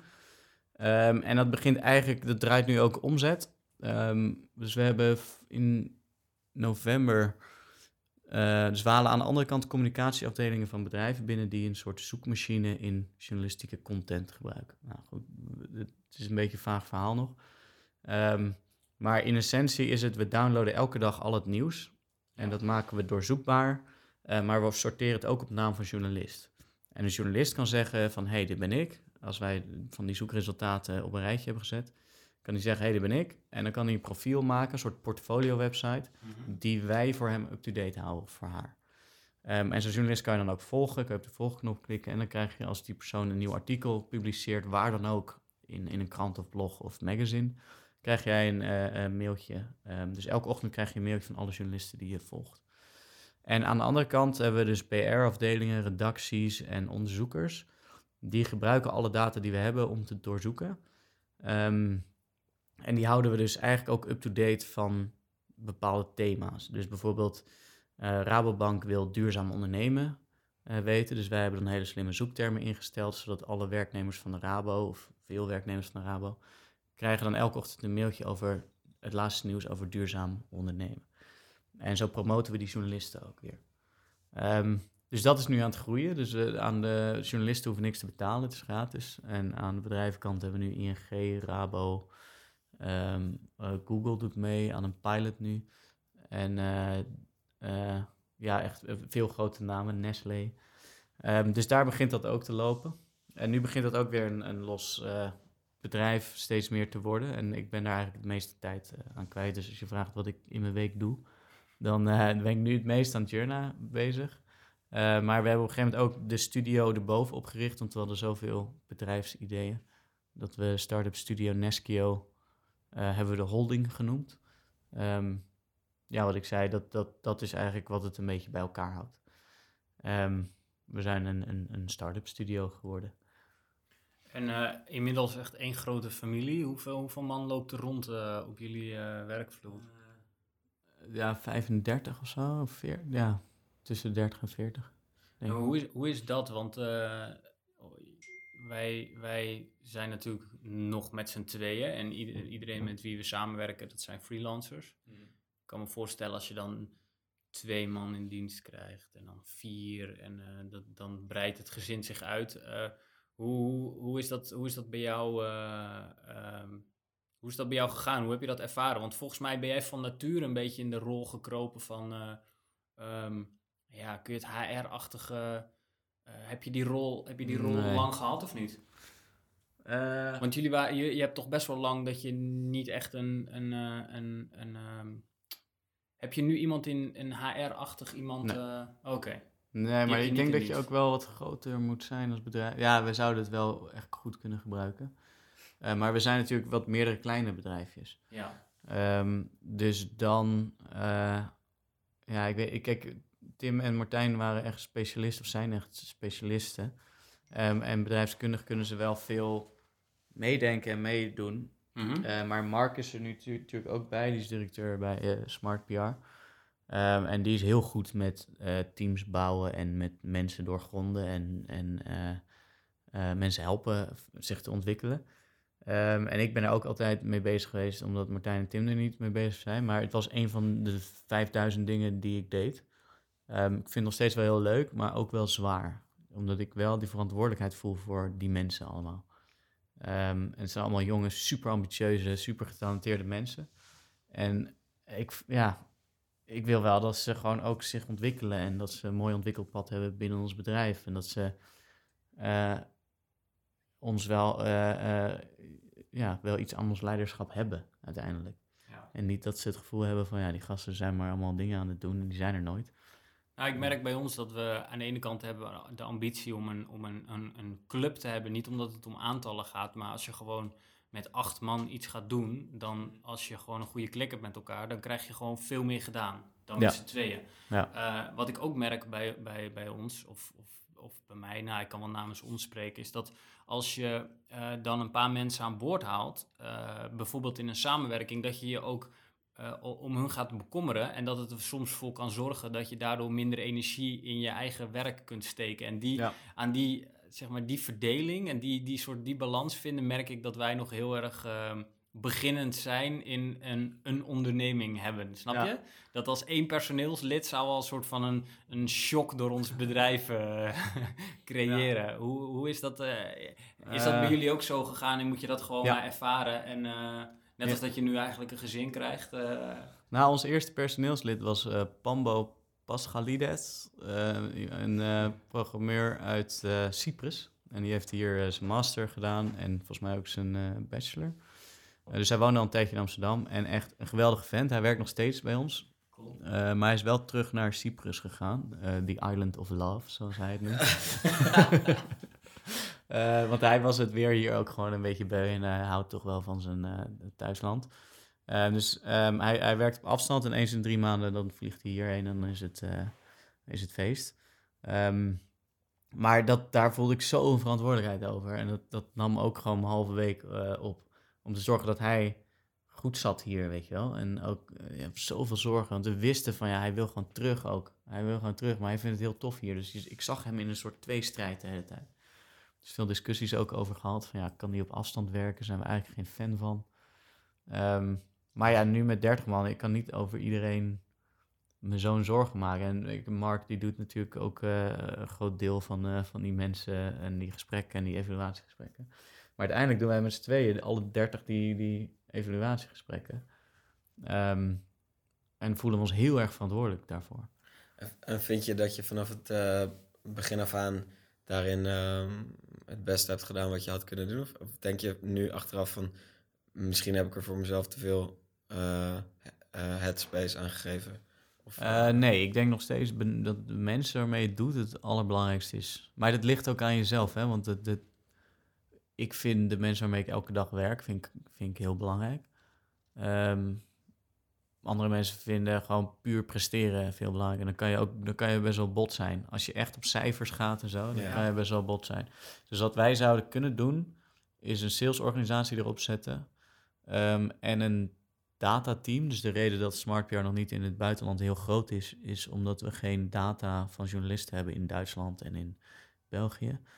Eh, Frankrijk, dat zouden we zo kunnen maken. Maar dan moet je dus enorme batterijen aan data-inkloppers daar neer gaan zetten. Ehm, en dat, eh, dat vind ik gewoon niet interessant. Ik kan er heel veel geld mee verdienen. Dat, eh, ik, ik weet zeker dat je daar echt enorm veel geld mee kan verdienen. Maar ik vind het echt niet boeiend. Dus dan eh, ga ik liever iets als Journa beginnen, eh, wat ook journalistiek kan helpen uiteindelijk. En fundamenteel de hele relatie tussen PR en journalistiek kan veranderen. En dat ook wereldwijd kan doen. Maar de kans dat Journa lukt is, eh, en, en dat doel bereikt, is denk ik wel echt veel kleiner dan gewoon allemaal datacenters opzetten in al die landen. Ehm, maar als je dus ons doel hebt, dus dat is eigenlijk een hoger doel van ja, we willen echt het gedrag van mensen veranderen met technische producten. Dat is eigenlijk onze, onze drijfveer, ten goede, zeg maar. Dat, eh, ehm, ja, als je dat wilt doen, dan moet je ook mensen hebben die daar op diezelfde missie zitten en daar op diezelfde missie varen. En dan moet je die mensen heel veel aandacht geven, vind ik. Ja. Ehm, dus ja, het, het is eigenlijk zelden voorgekomen dat, dat we bijvoorbeeld mensen ontslaan of zo, of eh, contracten niet verlengen. Ehm, maar la, laatst dus wel, dat, je dan, dat ik voor het eerst dus iemand moest zeggen van ja, dit gaat op dit moment gewoon niet werken met elkaar. Eh, daar lig ik wel echt weekenden, we- weken wakker van. Ja, ik moet dat gesprek voeren. En dan moet je zo... Weet je, ik wil wel als bedrijf het hoogste bereiken. En ik ga niet uit liefheid van, eh, ja, het, het gaat niet zo goed, maar weet je, probeer het nog maar een keer en nog maar een keer. Dat ga ik niet doen. Ehm, dus daar moet je soms gewoon hele harde keuzes in maken. En dat kan best wel een impact hebben op een team. Ehm, dus ja, hoe je met je mensen omgaat en als je dat goed doet. Ehm, dus dat vind ik ook wel een mooi verhaal van eh, Stuart Butterfield. Dat is de oprichter van Flickr, zo'n ouderwetse fotosite van vroeger. Eh, die heeft daarna Slack opgericht. Ik weet niet of jullie gebruiken ja, ook. ja, ja. Maar daarvoor Flickr had hij een internetgame, geloof ik. Ehm, en had hij zijn hele team opgeleid om een internetgame te maken. En ook veel investeringsgeld. En dat werkte gewoon niet. En toen kwam hij op het idee voor Flickr. Want er zat een soort photosharing eh, component in die game. En zei hij van, oké, dat gaan we gewoon doen. Eh, maar dan moesten dus allemaal mensen ontslaan. Of die mensen moesten aan boord komen op zijn foto-idee. En hij is toen heeft die mensen gewoon heel goed, op een hele goede manier ontslagen. Eh, als in gezegd van ja, je hebt de keuze, je kan nu meegaan, want hier kunnen we geld mee verdienen, dan kunnen we al die monden voeden. Of je kan weggaan en dan help ik je met je volgende baan en dan help ik gewoon naar je, je volgende stappen kijken. En al die mensen zijn uiteindelijk weer teruggekomen bij drie start-ups later dat hij deed. Ehm, dus ik geloof echt in mensen investeren ehm, eh, en, en op een hele fijne manier met ze omgaan, maar wel harde keuzes maken. Die ook beter zijn voor alle twee, zeg maar.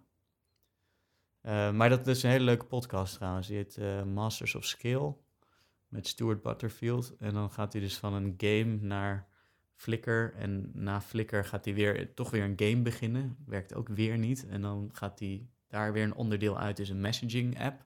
Mm -hmm. um, en dat wordt dan uiteindelijk Slack. Um, en hij zegt uiteindelijk ook van ja, waar ik het meeste tijd aan besteed, is het verhaal achter de, de bedrijven. En daar had hij eigenlijk meer tijd aan willen besteden. Dat is, maar zijn, daar heeft hij spijt van. Hij heeft er al heel veel tijd aan besteed. En ik denk dat dat ook het belangrijkste is. En dat is denk ik het belangrijkste wat ik doe. Um, dus als wij Journa beginnen, ben ik alleen maar aan het nadenken van ja, wat is het verhaal erachter? Dus waar, waarom moeten journalisten dit gebruiken? Um, waarom doen wij dit? Wat is onze missie? Uh, ja, hoe leg je dat uit eigenlijk aan iedereen? En zitten we op die goede missie? Dat is uh, precies ook een vraagstuk waar wij... wij zijn nu natuurlijk ook heel erg um, aan het beginnen met nieuwe ideeën nieuwe, eigenlijk ook een beetje proberen nieuwe producten uh, in ons vakgebied uh, uit te proberen en, uh, en op de markt te zetten. En inderdaad, heel toevallig, een van de beste tips die ik de afgelopen week heb gehoord is: um, blijf aan dat beginidee tornen en probeer het kapot te krijgen. En als dat niet lukt, dan, dan kan je alles doen, want als dat staat. Dus ik denk dat ik dat in ieder geval nu voor mezelf vind ik dat heel tof om te horen. Dat dat wel echt uh, focus nodig heeft. Dat Maar jullie, jullie werken nu ook aan producten? Nou, heel toevallig zijn we, daar had ik het met jou al even over, zijn we Ja. bezig uh, om iets um, ja, uit te gaan proberen. Um, kan je er al iets over vertellen? Of is het ja. nou ja, het is, het is uh, op zich zitten we midden in de, in de scriptfase. Ja. Waarin we. Nou, wat, wat video is nog best wel een. Uh, staat nog best wel in de kinderschoenen. Want je hebt. Weet je, iedereen weet dat je een video hebt en een player. En je drukt op play en je gaat iets kijken. Maar dat is best wel uh, statisch. En wij. Um, Kijk, wij, zijn gewoon met zowel met beeld als muziek als websites, weet je wel, ontwerpachtergrond. Uh, Wouter, uh, weet je wel, uh, heeft jarenlang websites gebouwd. Dus we zijn, we zijn in ons hoofd met veel meer bezig dan alleen een video die bij A begint en bij Z eindigt. En dan, he, dan heb je een verhaal verteld. Dus ja. um, waar wij, wij, krijgen, wij voelen echt een soort van passie ontstaan als we, als we die kennis meenemen en iets meer proberen te creëren dan alleen een video. Want daar gaat het ook heen natuurlijk. Um, ik wil niet meteen een augmented reality of zo'n uh, hollow, uh, hoe noem je dat, zo'n HoloLens-achtige of zo'n 360-achtige video's, weet je. Da daar hebben we het niet eens echt over, want dat, dat vind ik wel tof, maar um, we zouden ook uh, willen kijken hoe het is dit jaar in ieder geval, om, om te kijken als je in, terwijl je een video aan het kijken bent, dat je iets meer invloed hebt op de verhaallijn, weet je wel. Ik kan me voorstellen dat als je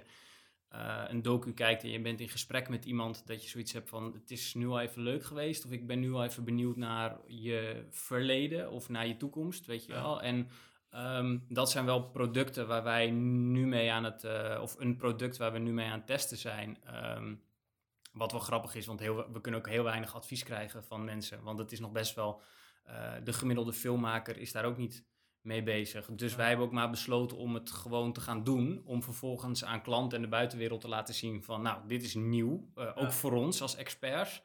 Uh, in de hoop natuurlijk om dan dat, dat ding waar wij geld en tijd in hebben gestoken... om dat op een gegeven moment ook voor, voor bedrijven te doen. Ja. Dus... Uh, en dat zal ongeheid een bumpy road worden. Ja. En, en vooral, dat was wel grappig, uh, we zaten allebei uh, los van elkaar, zaten we die, uh, die lancering van die SpaceX, mm. van het apparaat van Elon Musk te ja. kijken. En we werden daar allebei zo enthousiast van dat we de volgende dag ook een meeting hadden van we zijn altijd met best wel korte producties bezig. Je maakt iets of je bedenkt iets en je maakt iets ook voor een klant, weet je wel. Die wilt op maandag bedenken ze iets of krijg je een belletje en de maandag daarna moet het af zijn. We zijn eigenlijk altijd met hele, ook privé zijn we met hele korte producties bezig. En toen, ehm, toen hadden we daarover en toen zagen we gewoon een, een, een, een ding de lucht inschieten. En toen, ja, ik dacht in ieder geval van, fuck, dat is echt een project. Daar heb je gewoon, eh, even heel door, kort door de bocht om, maar daar heb je gewoon over nagedacht. En je hebt een soort van enorm groot plan en daar werk je naartoe. En Ja. als we dan terug, terugtrekken naar waar wij mee bezig zijn, toen, toen kwamen we eigenlijk ook op het idee van, ja, misschien moeten we eh, iets langer met dingen. Weet je, pak, neem gewoon een jaar de tijd om aan iets te werken. Ehm, Nou, en dat is natuurlijk. eh, daar begonnen we het gesprek ook mee. Weet je, jullie eh, serie van 4 keer 40 minuten, dat kun je niet in een week schieten. Weet je wel, dan moet je van tevoren moet je daar gewoon eindeloos lang over nadenken en uitproberen en op je bek gaan. Ehm, dus dat is wel tof om te horen, want daar zitten wij nu eh, middenin. En we willen ook gewoon afstappen. Eh, het eerste jaar is, is wij, wij zijn heel tevreden hoe het gaat. maar we merken ook wel dat we heel kritisch zijn en heel snel uitgekeken zijn op de standaard manier van hoe dingen gaan. We kunnen niet nog jarenlang, ehm, ja, ik noem het niet standaard video's. We hebben hele mooie producties gedaan, maar ja, we staan nog steeds aan het begin van het internet en alles wat we kunnen. Dus, Ja. dus we hopen wel iets meer voorloper te worden in eh, eh, alle vette dingen. En dat begint dus bij dat, dat interactieve as- aspect. Ja, het is, het is wel, eh, eh, wat je zegt, een groot plan. Dat, dat, ik denk dat je dat wel moet hebben. Dus we hebben met al onze startups wel echt een groot plan gehad. Van, of meer een groot doel. En het plan om daar te komen was eigenlijk alleen het eerste kleine stapje bedenken. En ik denk dat dat, eh, dat, dat achteraf hebben we dat goed gedaan. En ik denk dat dat geluk is. Eh, echt puur geluk dat we het zo hebben gedaan. Maar het was ook uit noodzaak van ja, we hebben het geld niet om, om eh, dat hele plan uit te voeren of überhaupt uit te denken. We hebben niet eens de tijd voor. Het eerste Dus kleine dan- stapje was die investering krijgen. Ja, En dat en dan denk je, oké, wat is dan de volgende stap? Hij zei eh, omzet, wij zeiden ehm, eh, bezoekers. En wij hebben ons toen op bezoekers gericht en dachten van, nou oké, hoe gaan we dat bereiken? Ehm, en achteraf blijkt dat dus ook de, de, de Lean Startup methode te heten. En toen was dat hele boek er niet en die hele methode. En al die meetups waren er ook niet. Het heette niet eens een start-up, het heet gewoon een studentenbedrijfje. En... eh, Oh ja. en, eh, en, en die, die, eh, maar die instelling van ja, oké, we hebben dit mega groot idee waar, waar we eigenlijk mee, nu willen we de wereld van de journalistiek veranderen. Ehm, maar wat is dan eh, de, de, de grootste vraag die je moet testen? En hoe doe je dat op de kleinste manier? Dus hoe valideer je dat op de kleinste manier? Dus wij hebben eerst, een, bijvoorbeeld met Journa, hebben we alle artikelen van een journalist bijeengezocht. En dan vragen we aan een journalist, ehm, wil jij dit op basis hiervan een profiel maken? En het profiel ziet er zo uit. En als de journalist dan ja zei, dan, dan, dan dacht ik van oké, daar, daar valideren we iets, weet je wel. Ehm, zonder dat we heel veel geld eruit aan uitgeven. Dus soms mag je het zelfs helemaal achter de schermen met de hand doen. Zoals dat eh, ehm, in het begin hadden we die promotiedienst voor clubs. Ehm, en eh, we vroegen gewoon eerst van ja, wil je hier 200 euro voor betalen dat jouw eh, events, jouw agenda, jouw persberichten dan op al die uitgaansagenda's komen, die 30 agenda's. En toen zeiden ze ja hoor, En dan stuurden wij die factuur, dan betalen ze 200 euro. En dan gingen wij met de hand gingen we dat intypen. En Tim ging ondertussen naast ons, die ging dat automatiseren. Uiteindelijk zijn we nog nooit zo ver gekomen dat dat echt geautomatiseerd was, want toen waren we aan ons volgende bedrijfsidee. Maar Martijn en ik hebben weekenden doorgehaald waarin we programma's op 30 party sites zaten in te typen. Eh, en eh, gewoon met het idee van ja, dan valideren we dat, dat mensen daar behoefte aan hebben. Dus wat is het probleem dat je oplost? En, eh, en hoe, kom je, hoe kom je tot een oplossing met de meest basale middelen zonder dat je echt twee ton moet uitgeven? Ja. En later zijn we daar gewoon weer keihard op ons bek mee gegaan. Dat we veel te, veel te veel tijd in de eerste versie van Nouncy hebben gestoken.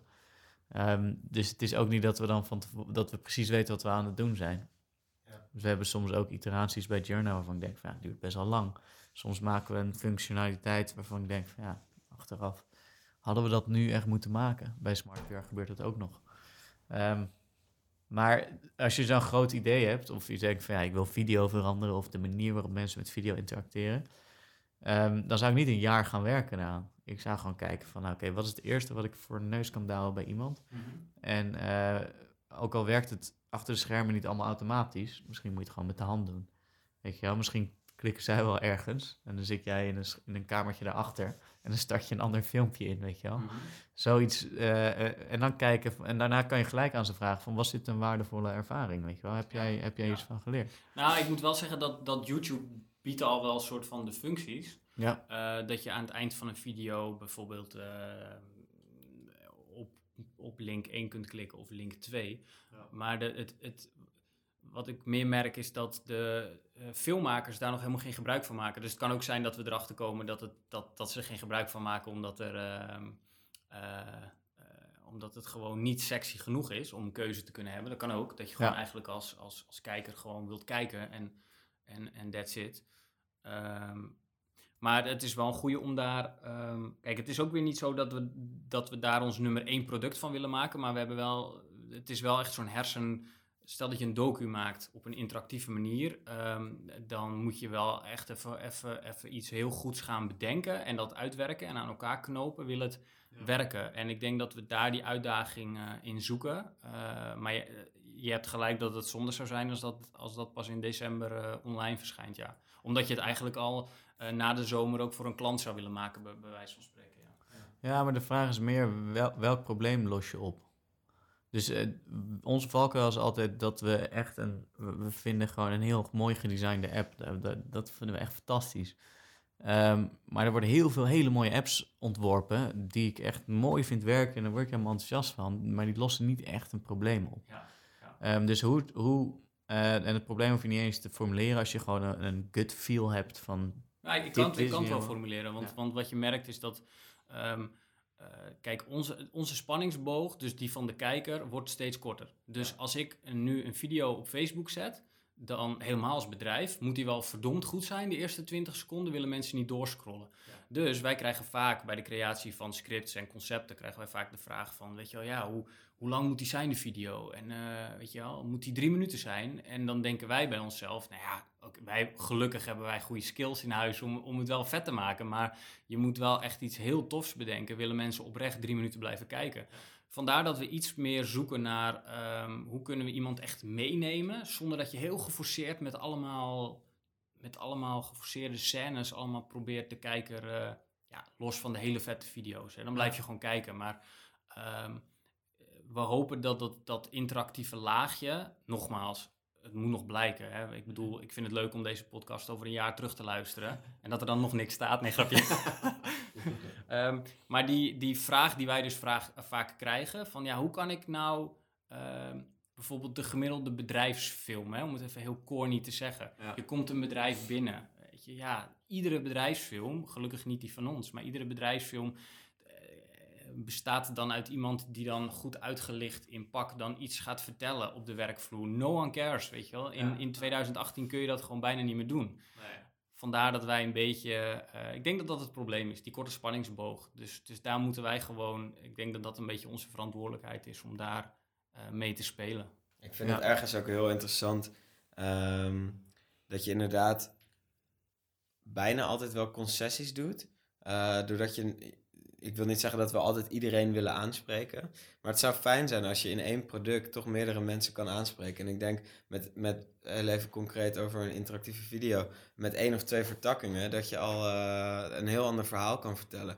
En de uitdaging, denk ik, ligt ook deels ehm, in dat storytelling gedeelte. Dat je nog steeds die spanningsboog ehm, moet kunnen waarborgen, terwijl je eigenlijk afslagen neemt. Ja. En ik denk dat dat sowieso voor onszelf heel interessant is om uit te vinden. En misschien eh, is het echt totaal onwerkbaar. Maar misschien eh, zijn er wel handige trucjes te bedenken. ehm, eh, als je gewoon gaat kijken naar verhaalstructuur en gewoon basic principles toe gaat passen. Dus dat zijn een beetje dingen die we nu willen gaan uitzoeken. Ja. Ehm, en het is eigenlijk een hele mooie bijkomstigheid eh, dat we daarin ook nog eens een heel jaar lang al onze technieken mogen gaan botvieren en aanscherpen. En Ja. dat is in ieder geval eh, ook Ja, heel ik, ik, aantrekkelijk. zou, ik vind het leuk om mee te denken over de eerste stap. Dus wat is het eerste wat je wilt testen? Dus waar gaan mensen, weet je wel, dat wauw-moment. Dus dat ze zo'n video kijken en dat ze er twee keer doorklikken. En dan, dan wordt het opeens een heel ander verhaal waarvan ze echt denken van, hè? heb ik nou dit doorgeklikt en daarom is het dit verhaal dat ze helemaal zo... Wanneer is het Helemaal- relevant of wanneer is Ja. het, het het meest krachtig? Ja. En, dat, en eh, hoe kan je het op de kleinste manier voor elkaar krijgen bij, bij een paar mensen, weet je wel? Ehm, en dat is natuurlijk altijd een kleine steekproef, dus je moet niet denken dat als, als al die mensen het kut vinden, dat het dan kut is. Maar je moet wel de hele tijd op zoek gaan naar, naar waar zit dat kleine wauw-moment bij wie, weet je wel? En als iemand dan zegt, wow, dit is vet, dan gewoon erachter komen waarom vindt deze persoon het vet. Ja. En is Ja. het, eh, is het eh, weet je wel, zijn het vooral jonge mensen of zijn het eh, ongeduldige mensen of creatieve mensen die zelf het verhaal helemaal goed kunnen vormen in hun hoofd? Ehm, en dan pas kan je ook de implicaties bedenken van wat je hebt bedacht. Maar de- de- heel tof. Vooral die, dat eerste stapje klein houden, denk ik, is, is, is de uitdaging. Ja, goeie. Keep you updated. En we zullen je ongetwijfeld ook in de docu willen hebben, dus je hoort er nog wel meer over. Hij gaat trouwens Generatie Alles eten. Oh, mooie naam. Ja, toch? Ja, zelf bedacht? Hey, we zijn al inmiddels eh, anderhalf uur verder. Oh jeetje.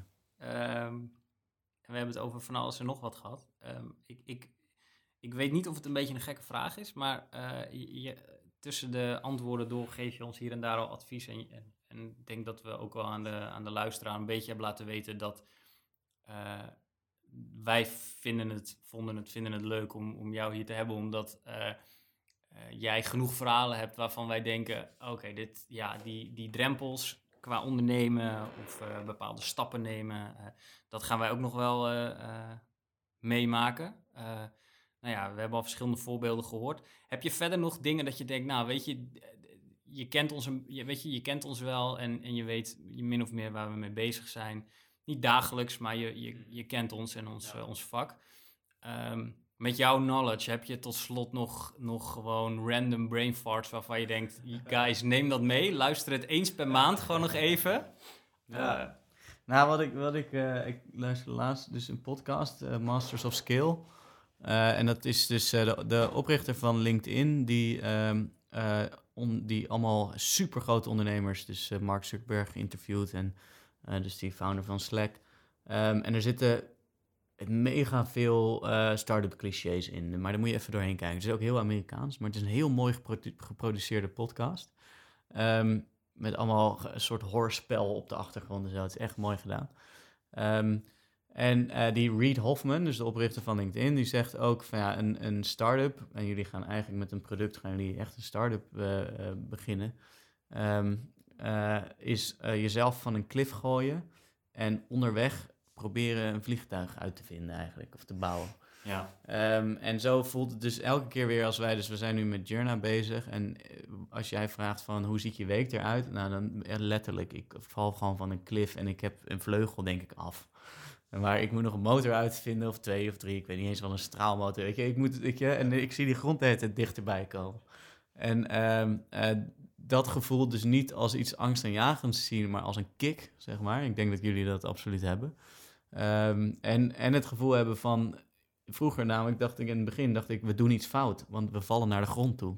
En achter, achteraf denk ik, van, ja, dat is de enige manier om een start-up te beginnen die echt iets tofs maakt. ja. Eh, is gewoon jezelf van die klif afflikkeren en ervan genieten ook dat je keihard naar de grond gaat.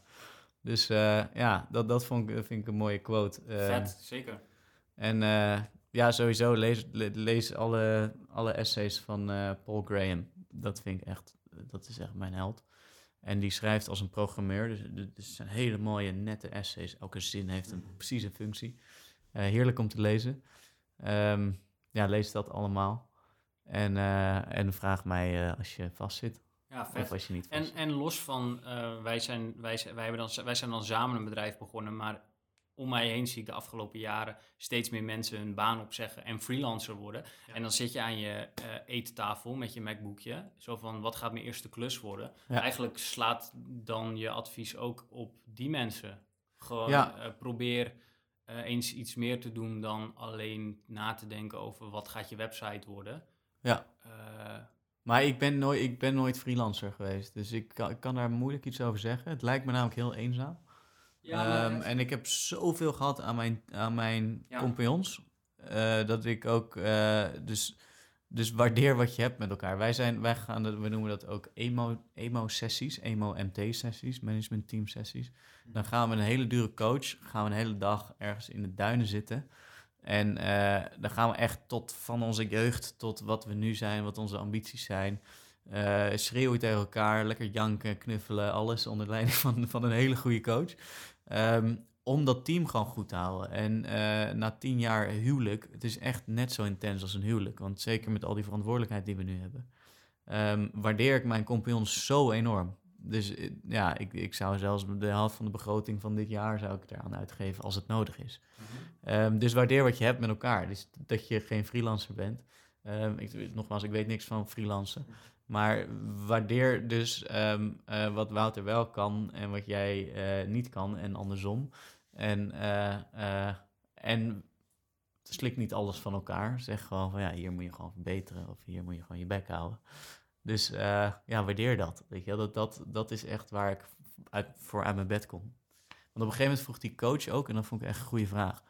Die vroeg, uh, wat is jouw team voor, voor in het bedrijf? En iedereen van ons vier noemde ons eigen team op. Dus als je in, als Mark, Mark werkte dan aan Smart PR en Martijn. En Tim en ik werkten aan Journa. En zeiden, ja, Journa en dat en dat. Ze zei, nee, nee, nee. Jullie zijn team 1. Dus het managementteam, ja. dat is waarvoor je uit je bed komt. Jullie zijn vier ondernemers. En ook al doen jullie al die projecten, team 1 is jullie met z'n vieren. Ja. En daar moet je het voor doen. En op een gegeven moment verloren dat uit het oog. Ja. Dus um, ja, dat, dat vond ik echt een mega goed advies. Oh, cool. Mooi. Hey, tot slot, um, wanneer uh, komt de docu-serie op tv? Uh, Want voor die tijd staat de podcast ongetwijfeld al online. Ja, uh, over een maand, dus uh, donderdag 15 maart, is de eerste aflevering. Om uh, kwart voor tien op NPO 3. Um, en um, uh, ja, voor de rest kan je journa.com, onze laatste start-up, zien. Als je op zoek bent naar een baan of wil weten hoe het is om bij een start-up te werken, ga even naar neskio.co. Um, of als je iets in de communicatie wil doen, smart.pr. Of als je een start-up nieuw leven weer wil inblazen, ga naar nouncy.com en zie wat voor tofs we daar hebben draaien en uh, weet je wel, jump in. En wanneer ligt je boek in de winkel? hey, thanks Stef. Yes, dank jullie wel. Wat leuk. Awesome, lekker. Fucking leuk. Hey guys.